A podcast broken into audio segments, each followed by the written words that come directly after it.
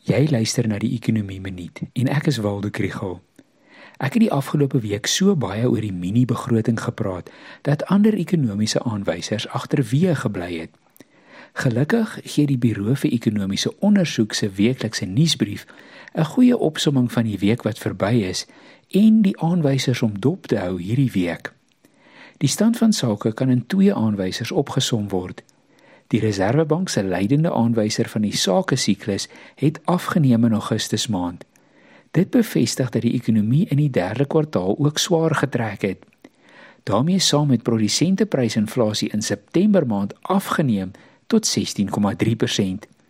Die kategorieë waar pryse steeds styg, was koks en petroleum, asook voedsel, drank en tabakprodukte. Die buro verduidelik dat dit veral kommerwekkend is dat die pryse van vervaardigde voedselprodukte vinniger gestyg het as in Augustus en wys daarop dat maatskappye soos Astral en Famous Brands onlangs klem gelê het op hulle stygende kostes.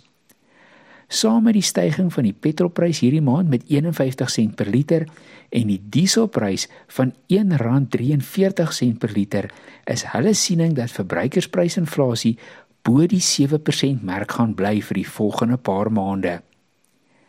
Hierdie week word die eerste data oor die 4de kwartaal bekend gemaak. Oktober maand se Absa aankope bestuurdersindeks en Naamsa se voertuigverkope data word vandag bekend gemaak. Dan hou almal hulle asem op vir die volgende Amerikaanse rentekoersbesluit Woensdag.